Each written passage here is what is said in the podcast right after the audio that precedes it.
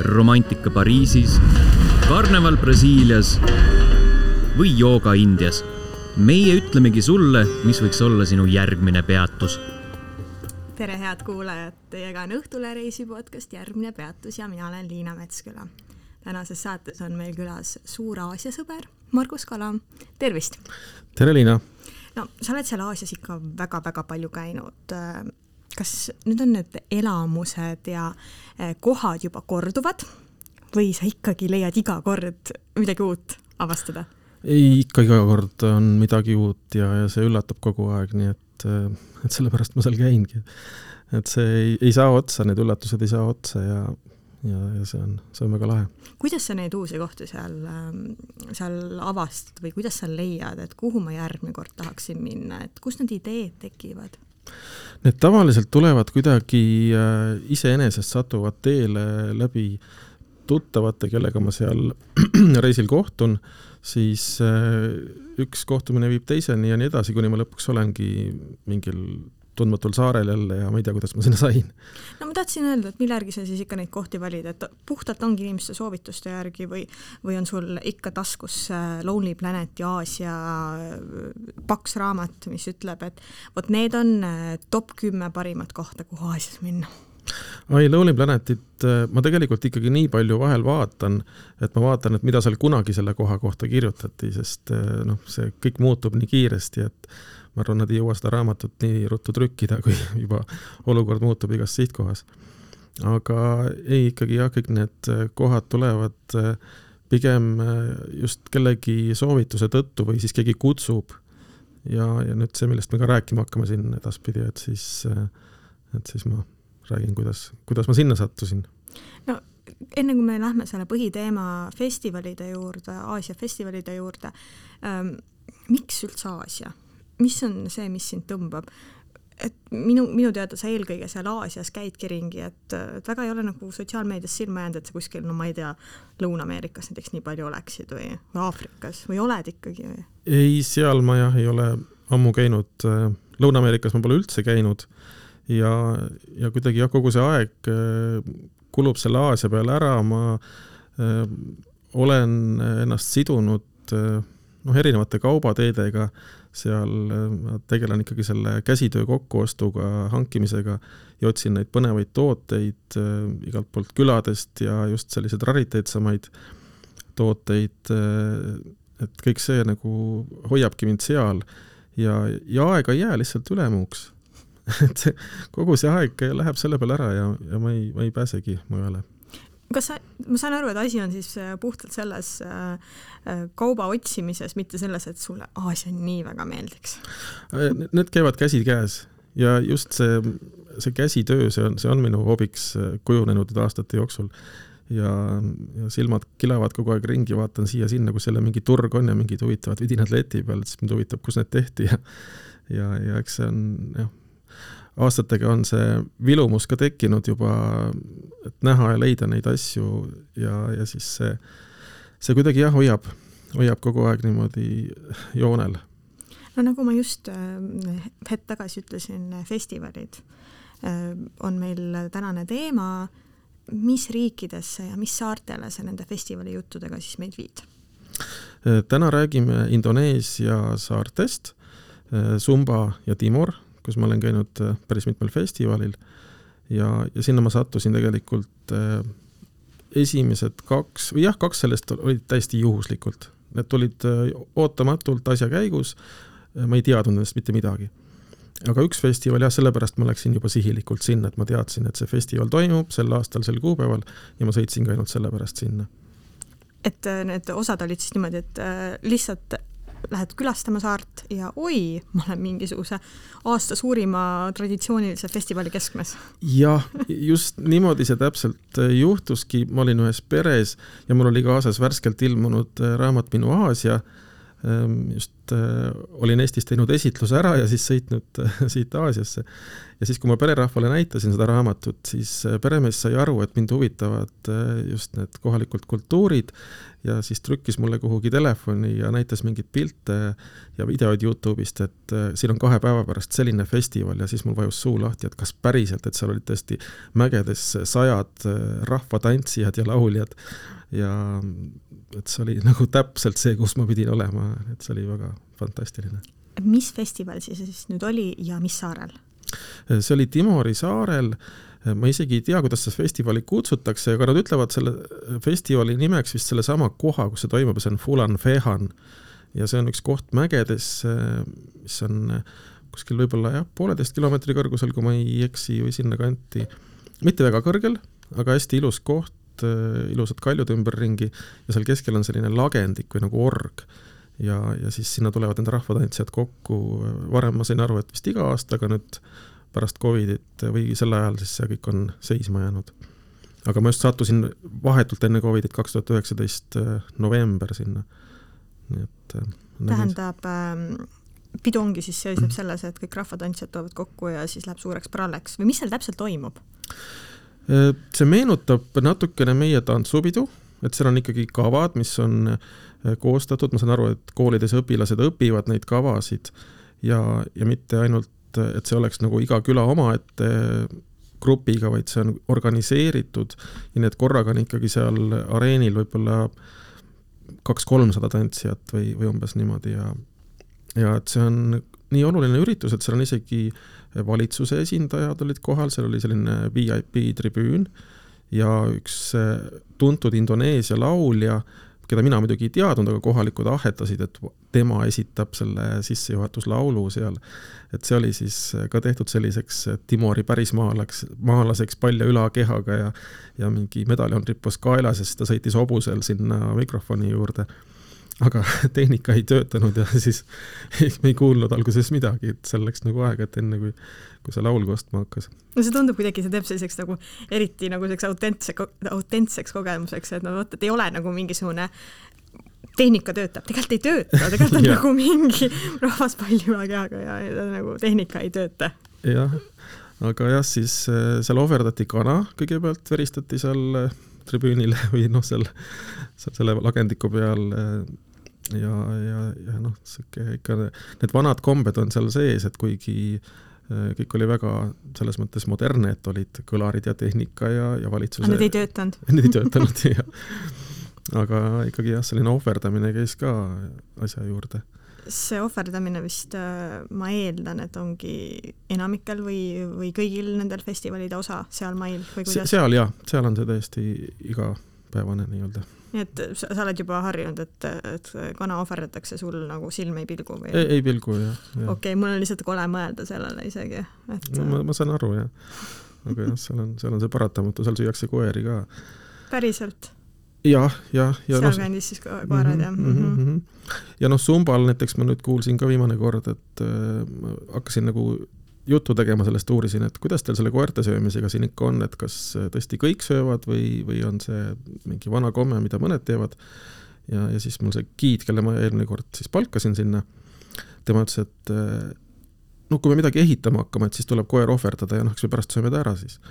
et me ei saa mitte midagi ehitada, maja või, või kas või kuuri või mitte midagi ei saa ehitada, kui sa koera ei ohverda. et see on siis selline uskumus, et siis läheb ja. kõik hästi? see on jah, neil on see oma noh, me nimetaks siis nagu jumalaks, nad kutsuvad seda vaimuks, äh, on Marapu, äh, kellele siis kõik ohvrid tehakse ja kelle ümber kogu see elu seal käib, kuigi nad ise on seal kristlased. et portugallased viisid mingil hetkel katoliku usu sinna ja aga nüüd see on kõik kuidagi segunenud, nii et ühest küljest käiakse kirikus, teisest küljest jälle siis ohverdatakse koeri ja, ja muid kariloomi Marapule. kasse ka? Ei, kasse seal praktiliselt ei olegi või ei jah, neid.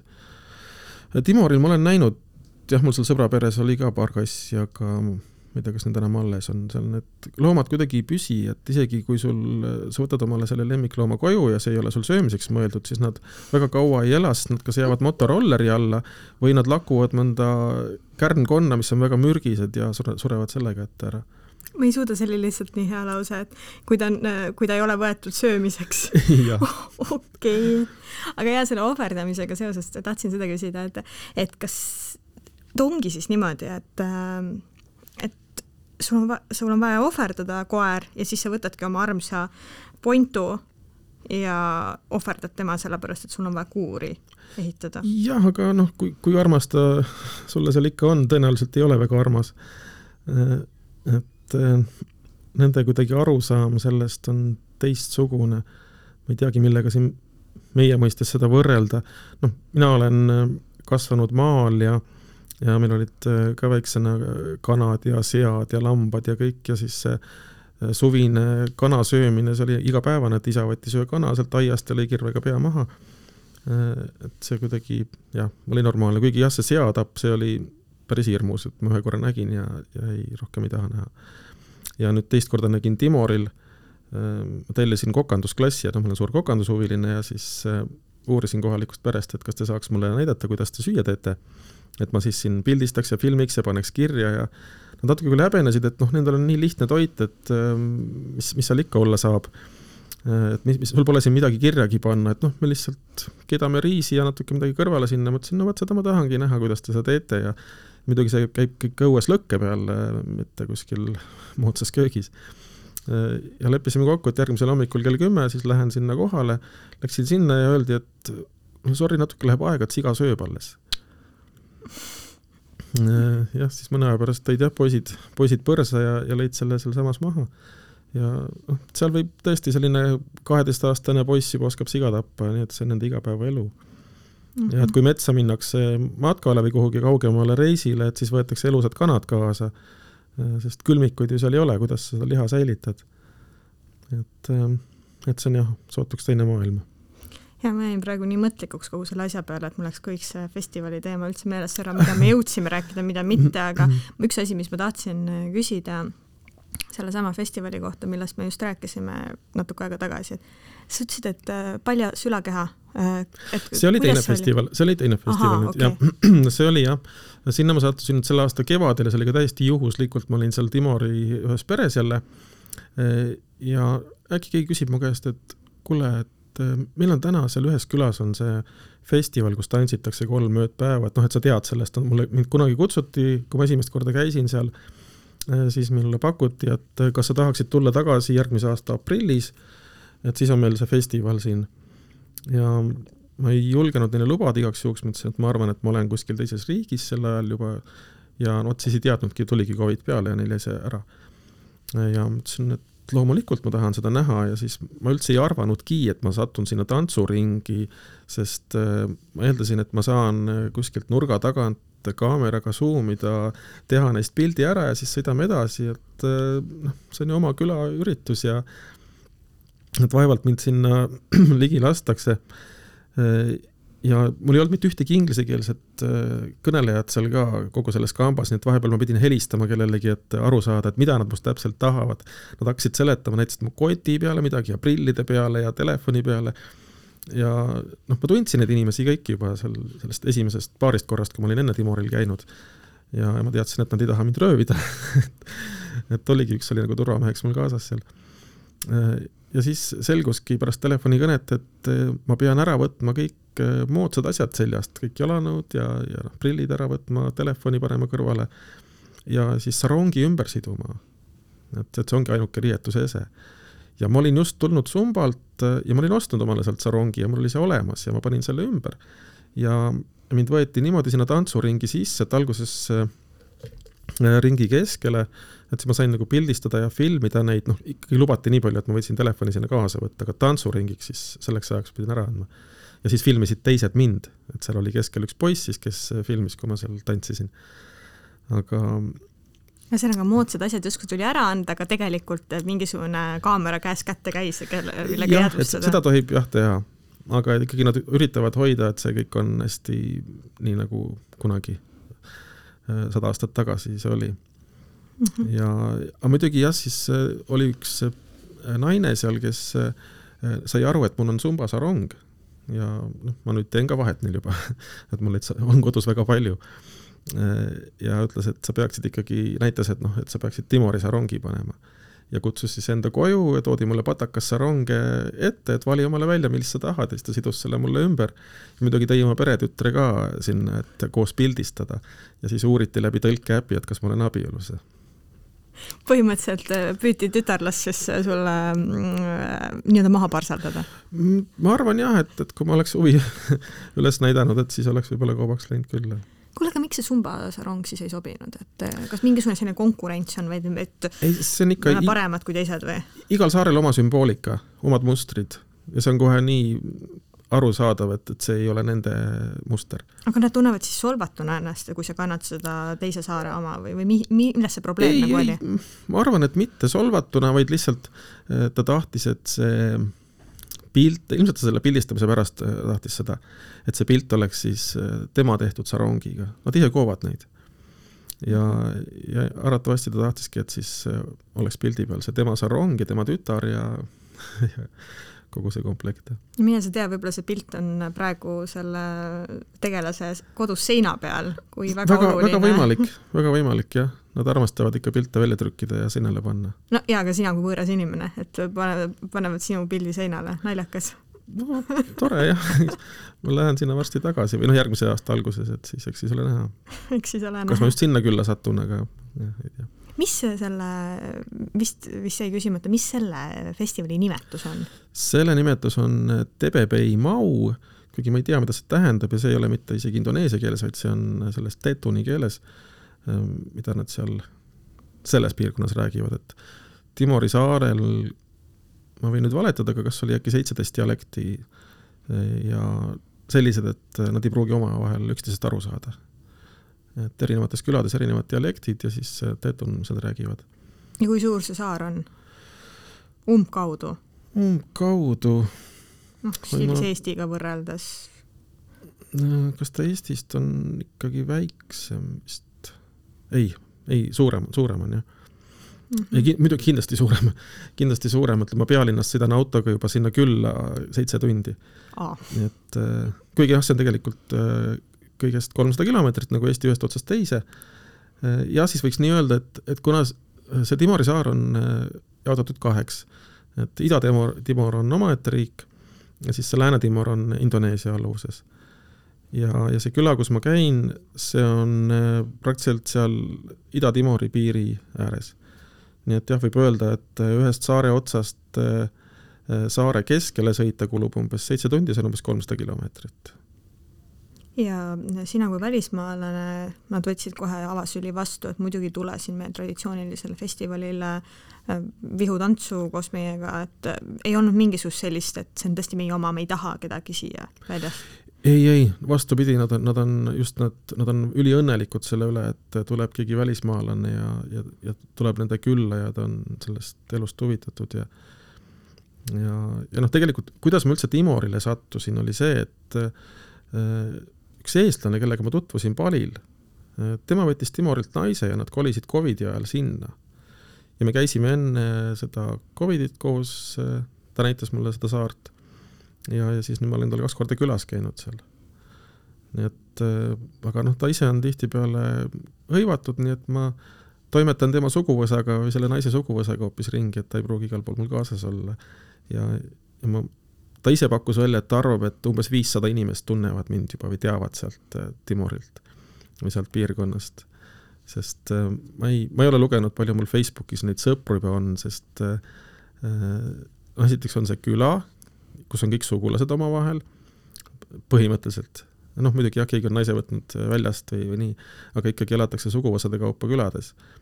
ja, ja nad on, kõik hoiavad kokku siis on mingi teine küla, kus on ka nende sugulased, jälle on kolmas küla, kus on sugulased ja siis me käime niimoodi ühest külast teise jälle ja siis, aa, nüüd me läheme tädi külla. ja seal on teine suguvõsa ja ja nad kõik, need sugulased siis lükkavad sind Facebookis sõbralisti või? ikka ja ühesõnaga, sina isegi ei tea, et äh, kes see täpselt on, sa lihtsalt võtad tuimalt vastu, sest tõenäoliselt tema tunneb mind. jaa, ma vaatan, et kui, kui see perekonnanimi on sama ja mis ongi seal, paljud ongi sama perekonnanimega ja juba meil on nii mitu ühist tuttavat, siis järelikult on, on ka sealt kambast. kui palju nendel festivalidel ähm, sellist turismihõngu on, et tehakse justkui turistide jaoks, sest tegelikult palju ju tehakse või, või need on lihtsalt nii autentsed, et turiste põhimõtteliselt ei olegi? see, millest ma varem rääkisin, see, mis seal mägedes oli, see laulu- ja tantsupidu, pidu, äh, seal ma nägin ühte turisti, äh, kes oli tõesti tõenäoliselt Balilt tulnud, äh, ta oli ühe giidiga, oligi, nägi slaavlane välja, ilmselt oli Venemaalt naine ja tal oli giid kaasas ja nad istusid seal vipp-tribüünil. ja seal vipp-tribüünil ülejäänud tundusid olevat kõik kas siis need valitsuse liikmed ja, ja kohalikud. ja rohkem seal ei olnudki turiste, jah aga nüüd see sama aa, see TBB maju? nii, võtame kõik need jaa, seal, seal null. See, see ei ole korraldatud turistidele, see on ikkagi lõikuspüha. Nad pärast maisikoristust igal kevadel, kuskil märtsis nad koristavad maisi ära, nad ei tohi seda enne süüa, kui on see sisse õnnistatud. ja siis nad laulavad ja tantsivad kolm päeva järjestikku niimoodi, et see ring, laul ja tants ei katke, lihtsalt inimesed vahetuvad seal ringis. aga, ja noh, alkoholi ei tarvitata ega midagi sellist. mingisuguseid meelemürke, mis asjad? ei, tegelikult neil on küll, neil on see mm, nagu Indias nimetatakse seda paan vist või, peetlipähkel Äh, seal on tegelikult hallutsinogeen ja seda nad närivad seal kõik ja see on hästi levinud üldse seal Kagu-Aasia maades. et see, mis teeb äh, suu ja hambad punaseks ja, ja siis näritakse seda ja pärast sülitavad sellist punast sülge välja ja ja kui ma esimest korda Indias nägin, ma vaatasin, et appi, mu riksajuht sülitas verd suust välja. aga jah, seda nad äh, närivad ikkagi ohtralt seal, eriti vanemad inimesed ja, ja ma olen seda korra proovinud Zumbal ja, ja mul ei olnud väga hea tunne. ja siis ma sülitasin välja, see hakkas kuidagi, kas ta natuke nagu erguti mm,, kuidagi väga ärevaks tegi, keha hakkas surisema, pea läks uimaseks. Ja, ja siis, kui ma ütlesin seal sellele, kes mind sinna üritusele tõi, siis nüüd oli veel üks nagu üritus Matused, kus ma käisin ja siis see, kes mind sinna kaasa kutsus, ütles kohe, et ei, kui sul on paha, siis lülita kohe välja. ja, ja noh, ma põletasingi suu sellega ära mm. -hmm. see on siis nii tavaline asi, et isegi stiilis rikšajuht keset äh, turisti Google'i turismi vaatamisväärsuse juurde viimist seda nautleb, et see on nagu lihtsalt nii tavaline asi nagu nätsunäriks või? jaa, täpselt, see ongi, Indias on nagu nätsunärimine ja minu meelest see, noh, võiks öelda India, Nepal, Birma, Laos, Kambodža äh,, Tais ma ei ole nagu väga tähele pannud, tõenäoliselt seal ka ikkagi on, aga, aga mitte niimoodi. Aga et siis äh, seal jah, need Timori, noh, Indoneesia saared, seal see on ka hästi tavaline sa mainisid äh, neid äh, huvitavat või omapärast matust, et see ei ole küll noh, eks ju festival, ma eeldan seal selles mõistes, et mis seal siis toimub, et on selline eriline? no Sumba matus on jah üks omate, nüüd põikemale teisele saarele, see on nüüd Sumba saar. et see on täiesti eriline, üldse kogu see nende mm, surm on kõige tähtsam sündmus nende elus. ja, ja selleks valmistutakse kogu elu kogutakse raha selleks, et omale võimalikult uhke see hauakomber ehitada. ja, ja see on vana traditsioon, vanasti näitas see jõukust, mida suurema kivi äh, mausoleumis endale tegid, seda kõvem mees sa olid. ja see kiviplaat, äh, mis sinna peale siis veeti, et see toi-, toodi kuskilt kaugelt äh, merest, lõigati seda, see on tõenäoliselt vist lubjakivi äkki, et seda veeti aastaid isegi, kui sa olid mingi suur külavanem või nii-öelda kuningas, et siis et ikkagi selleks, et see kivi kohale tuua, sa pidid korraga võtma sada või rohkem inimest, maksma neile või ostma süüa neile ja kõik need loomad, hobused, pühvlid, kes seda vedasid. et nii kaua seda veeti, kuni raha otsa sai. ja siis, kui jälle raha kogunes, siis hakati jälle vedama. Ja, ja, ja noh, tänapäeval on muidugi, nad teevad betoonist neid äh, hauakambreid ja see, konkreetselt see üritus, kuhu mina sattusin, oli tegelikult ümbermatmine. ja seal on ka veel sellised keerulised situatsioonid, näiteks et kui inimene ei sure loomulikku surma, sest ta ei saa kohe matta sinna õige koha peale, kus ta peaks olema maetud. kõik maetakse enda aeda, ei ole surnuaeda, on ikka enda aeda. ja lihtsalt jah, vanasti oli see veel küla keskel, need, need vanad eh, nii-öelda vabaõhumuuseumi moodi külad, mis seal on, kus inimesed ikkagi elavad veel et äh, seal on jah, see surnuaed on seal keset küla ja majad on ümber selle surnuaia.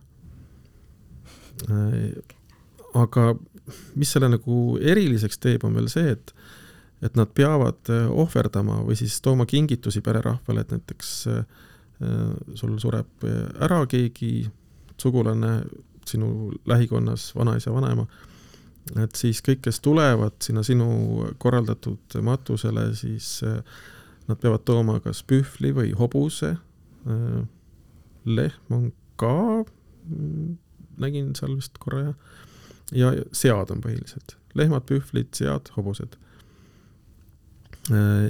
ja ilma selleta sa ei saa tulla, kui sul ei ole seda hetkel tuua, siis sa jääd võlgu sellele perele. ja või siis laenad selle kellegi teise käest. aga sellist varianti ei ole, et, et sa lähed oma nii-öelda vanaonu matusele ja, ja sa ei ole neile siga viinud, et sa oled eluaeg jääd neile võlgu siis. ühesõnaga, siis tegelikult see vanaonu, vanaonu on juba surnud selleks ajaks, vanaonu pere saab sellest seda ja nemad saavad, seal muidugi osa süüakse ära, sest noh, need üritused on väga suured, seal on võib-olla viissada inimest näiteks korraga koha peal. matusele? jah no nagu festival põhimõtteliselt. see on nagu festival jah, seal on äh, muusikud äh,, noh, kes taovad konge ja trumme ja, ja pererahvas tantsib, vehitakse mõõkadega äh,. et äh, jah, selle kohta on Youtube'is videoid ja ma ise filmisin palju, ma ei ole neid veel üles pannud äh,. ma panen siis, kui mul raamat ilmub, et siis ma hakkan oma materjale avaldama, mis seal on kõik salvestatud nende kordade jooksul sa enne ütlesid, et äh, surm on kõige tähtsam äh, sündmus elus. see on siis indoneeslaste jaoks või mingisuguse ainult sumba, ainult sumba, sumba mm -hmm. sumbalased siis sumbalased, jah. aa, sumbalaste jaoks, okei okay.. kas sa tead sa, et mis põhjusel, et miks see niimoodi on, et on mingi, oled sa küsinud, et no miks nii, et et teistel, teistes kohtades on, ma ei tea, sünd, abiellumine mis iganes suursündmus, et miks nende jaoks surm on? ma ei, ma ei ole seda küsinud ja ma arvan, et ega nad ei oskaks ka sellele vastata, sest äh, nad ütlevad, et noh, Marapu on niimoodi selle asja seadnud ja, ja kõik see elu käib selle Marapu järgi. ja kõik need, äh, need ohverdamised, mis seal kõrvale käivad, äh, noh näiteks see, et see giid rääkis mulle täiesti niimoodi, nagu ta tõesti usub sellesse ise, kuigi see mulle tundus kõik naljakas, aga aga ta rääkis väga tõsisel moel ja, ja niimoodi. oota, millesse ta usub? sellesse, sellesse ohverdamisse ja see, et Marapuu proovib seda toitu näiteks, et et kõigepealt äh, matused, äh, tuuakse need sead ja pühvlid kokku, siis äh, perepead otsustavad, mitu neist maha lüüakse. ja siis need lüüakse sealsamas kohe maha ja hakatakse süüa tegema sellest. aga enne ei tohi süüa, kui on Marapule viidud ka taldrik. ja sa saad selle järgi aru, et Marapu on seda söönud, et see toit muutub hästi külmaks ja ta ütles, et see, see ei ole lihtsalt jahtunud toit, vaid see on tõesti külm. ja samamoodi on selle, selle Peetli pähkliga, eh, nad viivad Marapule ka seda pähklit ja selle järgi saab aru, et ta on seda maitsenud, kui sa pärast seda ise proovid, siis see ei hakka sulle pähe enam.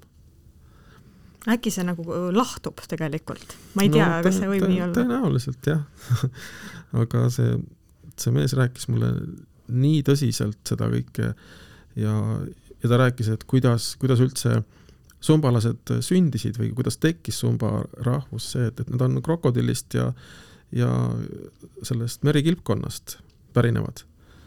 et kuidas kunagi olid kuningad ja kes öösel muutusid krokodilliks ja naine muutus kilpkonnaks ja siis päeval nad tegid pulmad, aga öösel olid jälle loomad ja ja, ja nemad siis ongi selle sumba, sumba rahvuse esiisad kui sina sattusid sinna matusele ja no sa mainisid, et äh, on kohustuslik viia sinna igasuguseid sigu, pühvleid, mis iganes, keegi vaatas sinu poole ka küsiva pilguga, et kus sinu hobune on?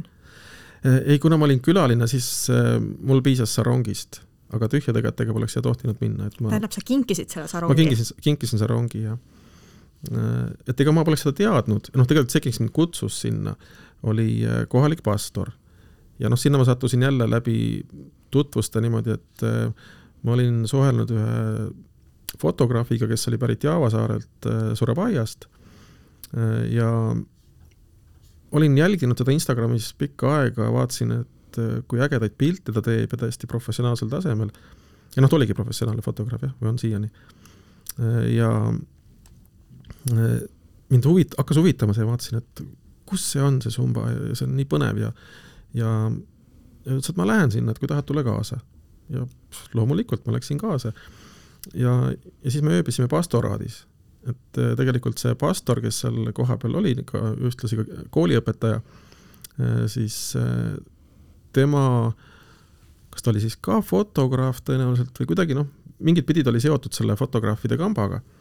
nii et tema oli see võõrustaja siis või et ta majutas meid sinna oma pastoraati ja, ja siis sealt see asi edasi arenes niimoodi, et kui ta pakkus, et kas ma tahaksin minna matusele, siis mul esimene mõte oli see kohe, et ei, ei, et noh, mulle tundus see, et ei ole viisakas minna teise matusele, et ma ei kujutaks ette, et Eestis, et mul on mingi sugulase matus või perekonnas, et siis tuleb mingi välismaalane, lihtsalt ta on turist ja tuleb siia, ma kutsun ta külla. sellises olukorras ei taha ju näha mingeid võõraid inimesi või üldse, et ongi leinad aga noh, see, algus jah, et, et see oli selle ümbermatmine lihtsalt, kuna nad olid uhkema hauakambri ehitanud ja need kadunukesed olid juba surnud seitse-kaheksa aastat. aga ikkagi tuli neid pühvleid ja sigu tuua, võib-olla nad eelmine kord ei saanud siis neid. Ja nüüd selleks, et neid saada, siis nad korraldasid nii suure matuse, aga jah, siis see pastor äh, enne kui minema hakkasime, esiteks pandi mind riidesse. Äh, ma ei saanud sinna ka minna tavalistes riietes, mulle pandi ka sarong ümber, ma olin ostnud endale sealt juba mõned varasemalt ja, ja siis pandi mulle need sarong, üks ümber keha ja üks pähe ja nagu turban ja, ja siis sall veel kaela ja ja, ja siis anti kingiks veel see üks kaasa, mingi odav sarong siis, mis on kas siis, noh, paistab nagu vabrikutoodang, et ei ole nagu päris käsitöö, aga ma nägin, et nad teevad seal neid kõiki isegi käsitsi, et et see on selline odav, ütleme noh, paarkümmend eurot maksab võib-olla seal kohapeal aga et need, mis ma endale olen ostnud, on ikka sellised viiesaja eurosed ja, ja umbes niimoodi. sul on mitu viiesaja eurost sarongi kodus või? äh,. mitukümmend. mitukümmend, okei okay,, see on, see on nüüd lausa kollektsioon, see on ja, lausa ja, hobi ja kollektsioon. ja, ja ei noh, neid, neid viiesajased ei ole küll noh, mitukümmend, need viiesajased on võib-olla mingi neli-viis tükki, aga neid odavamaid seal noh, viiekümne, kuuekümne, saja euroseid, kahesaja euroseid, neid on jah. aga miks? Mis sind äh, võlub selle juures, et miks, miks sa tunned, et ma tahan mitu korda viiesaja euro, mitut erinevat viiesaja eurost sarongi või mitme, või mitmesaja eurost ka tegelikult? see on mingi teatud moodi sõltuvus, siis te, mul, mul on olnud kellel mis, on ju? jaa, et, et mul, mul on olnud selline mingi salaunistus, et ma teen kunagi Aasia muuseumi. ja, ja need on tegelikult ikkagi sellised asjad, käsitöö on välja suremas, neid asju enam juurde ei tule, väga noored ei taha enam õppida, seda ei taha teha ja, ja siis see ongi nagu selline vääris, väärtuslik ese, sest et kas nende väärtus ajas ka kasvab? no kindlasti jaa, kindlasti jah. noh, Eesti inimene tõenäoliselt ei oska seda hinnata, sest ikkagi me oleme nii kaugel sealt ja, ja ma kogesin kunagi, kui ma hakkasin Indias käima ja sealt käsitööd tooma kuskil kahe tuhandete alguses et siis äh, puutusin seal kokku ühe antiigikaupmehega, kes siis rääkis mulle, et noh, näed, need on siit pärit sellest maakonnast ja need on siit Nagalandist ja see, on see kuju, mis on Nagalandis väga tuntud ja ja ma ei saanud sellest midagi aru, ahah, mingi puuslik lihtsalt ja ja vaatan, et tulevad mingid britid ja ostavad neid asju ja, ja maksavad selle eest palju raha ja ja siis ta pakkus mulle ka, et võta prooviks endale. ja ma siis tõin siia Eestisse ja proovisin ka neid äh, müüa aga ei, ei pakkunud see kellelegi huvi. et ma saan aru, et kuna India on endine Briti koloonia, et siis sealsed, ütleme, vanemad inimesed, nemad oskavad seda hinnata, et nad teavad, et aa, minu vanaisal oli kodus see ja ja tahab endale ka sellist kujukest saada või mingit äh, traditsioonilist kangast. et samamoodi on selle Indoneesiaga, et seal on endine Portugali, Hollandi kolooniad, et siis tõenäoliselt nende jaoks on neid, äh, need väärtuslikud ja noh, müüakse muidugi jah, Amazonis ja, ja sellistes kohtades ka mm. -hmm. et ikkagi päris kalli hinnaga no mul tuli meelde vahepeal, et meie, meie podcast'i teema on ju festivalid. et see teemad tegelikult ju nendest Aasia saartest, ma arvan, ma võiksin tundide kaupa rääkida, aga ma tean, et sul on üks festival kindlasti, kus sa veel oled käinud, võib-olla isegi veel, et mis sul seal on veel pagasis? aa, see nüüd, mis oli, mille pärast ma sõitsin sel aastal Sumbale, on festival Bassola mis oli jäänud nüüd ka vahele äh, nüüd kaks tuhat üheksateist äh, alates, äh, kui olid karantiin ja nii edasi, et kakskümmend, kakskümmend üks, kakskümmend kaks jäid need vahele minu teada või oli juba eelmisel aastal, ikka jah, vist sel aastal oli nüüd jälle üle pika aja esimest korda. ja ma olin sellest varem nii palju kuulnud, pilte näinud ja see tundus nii põnev ja ma läksin spetsiaalselt sinna, et kuidagi mulle sattus just see Indoneesias oleku aeg samal ajal, et ma niikuinii ma käin seal Balil käsitööd ostmas ja ja siis äh, läksingi kohale ja, ja nägin selle ära. et Bassola on selline festival, kus siis kohalikud äh, külad, klannid võtavad mõõtu üksteisega hobustel sõites ja odasid loopides. no need ei ole mitte päris odad, on sellised paarimeetrised puidust kaikad, aga ikkagi ohtlikud, sest kui sa sellega vastu pead saad, siis tõenäoliselt saad surma. Ja, või noh, suur, suur oht on. ja, ja see on äh, ilus, ilus vaatepilt mitte see kaikaga pihta saamine, aga, aga kõik need värvilised äh, kostüümid seal ja need mehed seal hobustel ratsutamas ja tõesti sada, sajad mehed äh, ratsutamas, et siis äh, see on väga, väga võimas vaatepilt.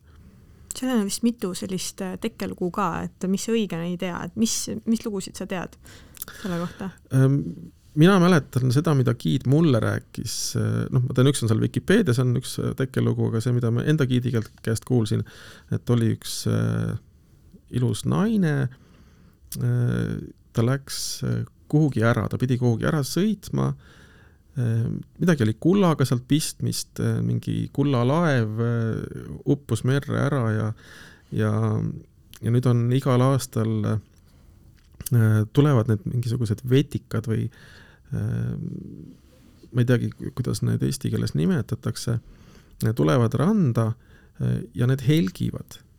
ja, ja siis see nagu meenutab seda kullahelendust meres. ja, ja siis, kui need vetikad on sinna randa tulnud, siis on aeg seda festivali pidada. ja tegelikult jah, seal käiaksegi festivali hommikul neid vetikaid sealt, neid ussikesi sealt merest noppimas ja ämbritega. No ma küll ei maitsenud neid, nägid päris koledad välja Äh, aga jah, et kuskilt, kuskilt sealt see väidetavalt see alguse sai. ja, ja keegi ei tea, kaua see on kestnud, sest äh, sumbat on nii vähe uuritud äh, ja nad ise ei ole kirja pannud midagi. et põhimõtteliselt sumbal ajalugu puudub, kui ma hakkasin otsima raamatuid sumbast, et seoses sellega, et ma kirjutan seda enda Minu Aasia saarte raamatut, siis äh, tahtsin rohkem materjali saada. Ja ei ole lihtsalt või siis on äh, jah, mingi hollandlane on selle kirjutanud, see raamat on kuskil olemas, aga seda ei ole online'is saadaval. Ja et seda materjali on ääretult vähe. Äh, ja oligi noh, mul oli seal üks pruut kunagi Sumbal ja, ja siis tema kaudu ma sain ka mingit infot, et tema vanaisa oli, kes oli kooliõpetaja, oli pannud ka kirja midagi, et mul on see materjal nüüd indoneesia keeles äh, paberite peal. Äh, pean laskma selle ära tõlkida. ja, ja no eks neid, neid kirjutajaid on olnud, kes on äh, Sumbast kirjutanud või hakanud kirjutama, mul oli huvitav juhus nüüd selle viimase festivali ajal, kui ma käisin seal, ma sattusin ühte perre Äh, kes olid kuningate järeltulijad. Äh, giid äh, viis mind sinna, et näidata kõige suuremat seda monoliiti, mis on siis seal see matmispaik, et väidetavalt vist seitsekümmend tonni või mis see pidi kaaluma. ja seal peres, noh, ma muidugi rääkisin neile, et ma, ma uurin ja ma kirjutan raamatut ma panen kõike kirja, mis te siin teete ja, ja tahaks nagu võimalikult palju infot saada ja siis sealt perest äh, öeldi läbi siis selle minu selle giidi, et nad tegelikult on juba kõik oma selle pere ajaloo rääkinud ühele välismaalasele, kes oli Hollandist vist. Äh, ja et see juba kirjutab neist. ja nad ootavad teda sinna tagasi, et ta tooks selle raamatu. aga kui ma väga tahan, ma võin sinna minna mõneks päevaks, jääda nende juurde elama ja siis nad räägivad need lood uuesti ära ja noh, kui mul on tõlk kaasas, kes siis selle kõik saab äh, mulle tõlkida ja ma saan kirja panna. ja noh, ma siis nii mõtlesin, aa, noh, okei okay,, jah, kahju küll, jah, mõtlesin, muidu teen seal ise ära, aga juba mingi hollandlane jõudis ette ja ja mõtlesin, et aa, et millal ta siis käis siin, et enne Covidit või pärast Covidit? aa ei, ammu, ammu. et pole mingit kontakti temaga, no kui ammu see oli siis? see oli aastal tuhat üheksasada seitsekümmend üks. no mina sündisin sel aastal okay.. ja siis ma mõtlesingi, et aa, ma tõenäoliselt olen selle Hollandi äh, äh antropoloogi äh, reinkarnatsioon et ma sattusin sellel põhjusel sinna, kuna nendel jäi see raamat pooleli või, või jäi see ilmumata. igal juhul noh, et nemad ei tea sellest, et see oleks ilmunud ja ma ei ole kuskilt veebist ka leidnud. ühtegi hollandlase raamatut Zumba kohta, nii et et siis mul on see võimalus nüüd tagantjärgi teha aga nemad siis siiralt ootasid, et, et noh, tõesti see hollandlane tuleb tagasi, toob selle raamatu neile? see oli jah, minu jaoks hämmastav, et kas te saate aru, et sellest on viiskümmend kaks aastat möödas ja siis mõtlesin, et huvitav, kui vana see hollandlane võis olla sel hetkel. vaevalt, et ta kahekümnene oli mm. -hmm. et pigem ja. ikkagi juba kolmkümmend või rohkem, et et võib-olla ta polegi enam? no vot seda ma mõtlesingi ja et midagi, midagi pidi juhtuma aga et nad tõesti siiralt uskusid, et see mees lubas, et ta tuleb tagasi. ja noh, kui ma hakkasin uurima, et meiliaadressi või midagi pole või aa ei jah, jah, et see oli ammu jah. Kuule, aga sellel mm, Passola festivalil läks ju asi vist päris hulluks, et märulipolitsei pidi, pidi sekkuma. jah, ega mind ei hoiatatud ette või noh, selgus, et keegi ei taibanudki mind ette hoiatada. ma küll oleksin pidanud giidist aru saama, noh, see giidi inglise keel oli ka selline nii ja naa, et, et pidid nuputama natuke, mida ta öelda tahab. ja, ja mina ei saanud alguses aru, et mis päris sõjast ta räägib. et ta mainib kogu aeg, et äh, real war ja kui real war hakkab, et siis äh,, et siis sa peaksid jälgima, et kui sa jooksed äh, et sa ei jookse, sa ei jää nagu seljaga sõja poole, et sa pead jooksma selg ees, et, et sa näed, mis su ees toimub ja mõtlesin, et ta räägib nagu piltlikult, et noh, et vanasti, mis võis toimuda sada aastat tagasi, et siis äh, noogutasin kaasa, et jaa, jaa, muidugi, muidugi. ja ta veel uuris, et kust nurgast sa tahad seda võitlust vaadata. et sul on kaks varianti, kas äh, siinpool seda areeni või noh, staadionit või üldse lihtsalt plats rannas või sealt teiselt poolt, aga mitte vasakult ega paremalt, sest odad lendavad selles suunas, sinna vasakule ja paremale. ja et seal on eh, need vahetusvõitlejad ja siis ka nende mingid eh, tuttavad ja sõbrad ja kes julgevad seal olla, mootorrattakiivrid peas. Eh, ja et pähe ei saaks odaga. nii et, et vali ja mõtlesin, loomulikult ma jään siiapoole, sest päike on ju selja tagant, et ma ei saa ju vastu päikest pildistada. Ja siis mainin... suvaodades peamine, et ma hea pildi saan ja, ja, ja, ja suva need odad. ja, ja siis ta ütles, et noh, ma lähen vaatan natuke ringi, et, et see, see kestab kaua niikuinii, et, et sa võid siin omapäi toimetada ja pildista ja filmi, kus taga tahad, aga jumala eest ära sa minna sinna vasakule või paremale staadioni otsa, et siis seal sa võid pihta saada. aga kui hakkab päris sõda, siis sa tead, et sa pead jooksma selge ees. ja ma ei aimanud, et ta räägib tõsiselt seda aga ei noh, selleks hetkeks, kui ta tagasi jõudis ja siis see vahepeal see sai esimene, see etapp sai läbi juba ja siis me vahetasime staadioni või noh, see seal paar kilomeetrit eemal oli teine staadion, jälle plats tegelikult, et, et siis seal see asi jätkus.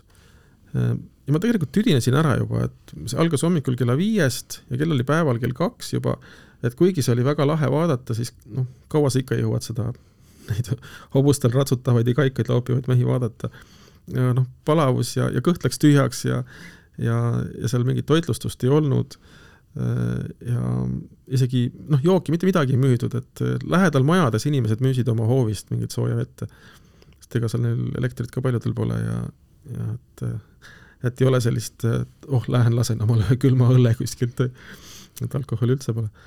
ja siis äh, ütlesin giidile, et hakkame ära minema ja siis ta veel imestas, et kuhu sa lähed, et see pole ju läbigi veel, ma ütlesin ei, lähme, lähme ära, et ma tahaks lihtsalt istuda maha kuskile, ma olen väsinud, et see päike juba, mul on tunne, et mul on päiksepiste vist juba, et paistab lagi pähe juba siin mitu tundi. ja hakkasime ära liikuma ja siis läks, rahvas hakkas niimoodi lainetama ja mingi selline nagu karjuma või, või, või noh, selline kuidagi nagu suur ahast-, ahastus käis kogu selle massi ohe. Äh, ja, ja ma ei saanud aru, mis juhtus ja siis Kiit krabas mul käest kinni ja ütles, et nüüd on päris sõda ja jookseme. ja, ja siis me jooksime kuhugi, kogu rahvas jooksis ja see oli nagu läbisegi sedasi, et inimesed jooksid üksteisest üle ja kukkusid ja, ja, ja ma, ma ei saanud mitte midagi aru ja kohe olid mingid automaadivalangud, noh ilmselt lasti kummikuule, see märulipolitsei, ma just imestasin, et miks seal nii palju politseinikke on aga ma ei teadnud seal neid nii palju, need teised olid peidus kuskil, seal oli suur see politsei äh, kus on katusel see veekahur, noh soomusauto, nagu hästi suur soomusauto. ja, ja aga noh, neid kilpe ja seda ma, ma ei näinud, need olid neil kõik kuskil peidus ja ja oli küll mingeid pumppüssidega tüüpe seal istumas VIP-tribüüni ümber. aga jah, et äh, no me siis jooksime ja jõudsime kuskile koolimajja, kus polnud ei uksi ega aknaid, noh, seal polegi koolimajadel uksi ega aknaid, lihtsalt nii soe on ja, ja on selline kiviehitis. ja jõudsime siis sinna taha peitu ja ma pakkusin, et äkki me saame siit koolimaja hoovist kuidagi taganthoovist välja minna, et noh, lähme lihtsalt kaugemale. ja ei, ei saa, kõik on ümber igal pool müürid ja kuskilt ja vaatasin, mingid inimesed ronivad üle müüride ja ütlesid, ei, ära mine, ootame siin, ootame siin.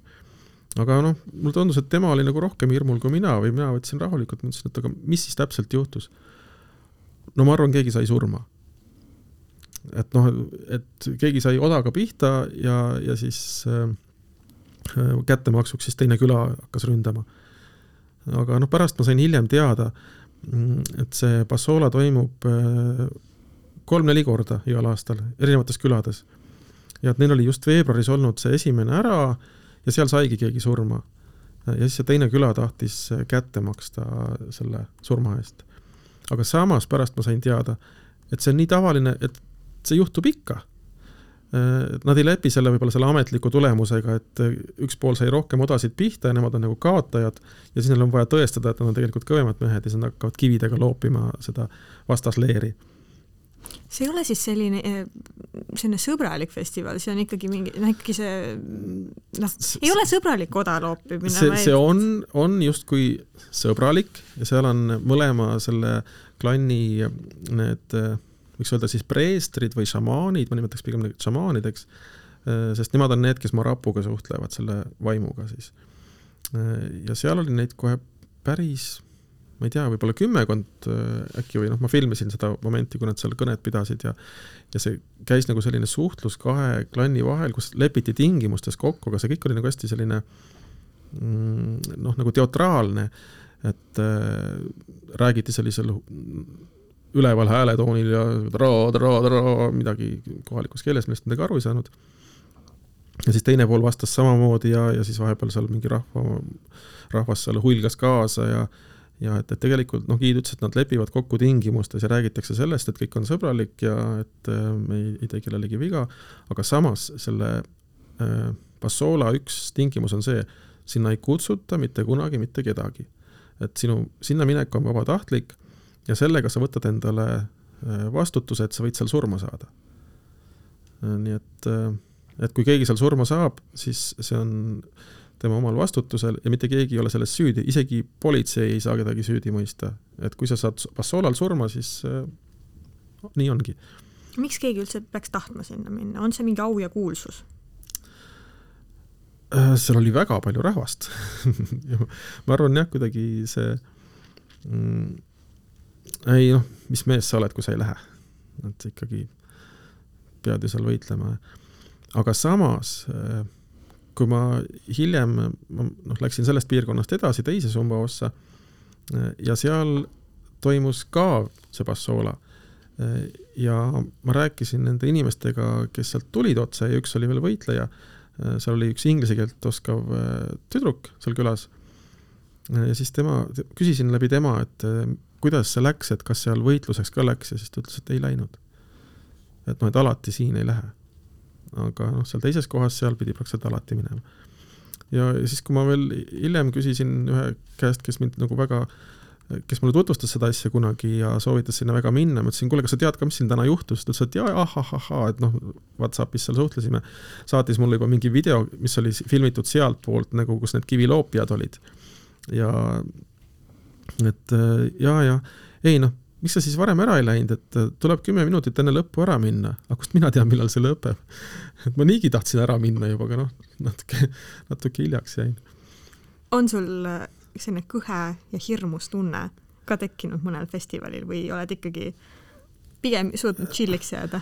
vot, vot see hetk, kui ma olin teadmatuses, et ma ei teadnud, mis täpselt on, ma arvasin, et tegemist on mingi poliitilise äh, aktiga, et, et võib-olla see on nüüd seesama Passola, mis Passola, Passola jah, ei mujal, ei seal muidu on nagu väga chill alati. aga et äh, sel hetkel jah, et äh, kuna, kui giid oli sellises paanikas, siis see natuke nagu hirmutas. aga siis ma üritasin rahulikuks jääda ja mõelda, et aga mis siin ikka juhtuda saab, et mis mina siin asjasse puutun, et me oleme siin seina taga peidus, kummikuulid lendasid ja, ja need suitsugranaadid ja, ja veekahurid ja, ja kõik ja see kestis võib-olla mingi paarkümmend minutit ja siis oli vaikus ja kõik tulid välja ja kõik oli korras. olid seal Passolal ainus välismaalane?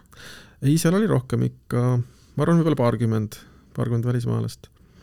et seal olid kaks päris, tundusid profifotograafid, sest ma vaatasin, et kui suured objektiivid neid olid, olid et ikka sellised poolemeetrised et sellist omale niisama harrastaja ei osta ja noh, nende käitumine oli ka selline fotograafilik, et nad ronisid ikka nagu otse näkku inimestele oma nende objektiividega ja ja ma kuulsin pärast, kui ma sealt ära minnes keegi rääkis nendega, üks kohalik siis midagi ütles, et noh, järgmisel aastal siis teeme kuidagi ja siis need unusta ära, me ei tule siia enam kunagi. Need fotograafid ütlesid jah? aga jah, seal oli, oli veel mõned äh, mõned välismaalased. Sumbal on üks tõenäoliselt Indoneesia kõige kallimaid hotelle, mis on selline, ma ei ole seal sees käinud, aga noh, eeldan, et sellised nagu bangalood. ja noh, piltide pealt on ka näha, et, et seal maksab üks öö alates vist, kas oli kõige odavam, on kaheksasada dollarit, aga et muidu tavaline on kuskil kaks-kolm tuhat dollarit öö. ja, ja kuulsin ka, et tass kohvi ja croissant maksab sada kaheksakümmend dollarit. et, et seal pidid mõned käima sellepärast, et nad tahavad selle koha ära näha, nad tahavad seda luksust äh, kogeda ja maksavad siis selle kaheksasada dollarit ära, kui nad on saanud hästi soodsa hinnaga, aga nad midagi süüa väga ei jõua seal, sest äh, toit on ka nii kallis. selle kõrval kaheksasada eurot ööbimise eest ei ole midagi, kui on seda kaheksakümmend eurot croissanti eest. jah, no just. et okei okay.. jah, selle koha nimi on Nihi, Nihi, Nihi Sumba, et äh, kõik võivad guugeldada, vaadata, mis, mis hotell see on.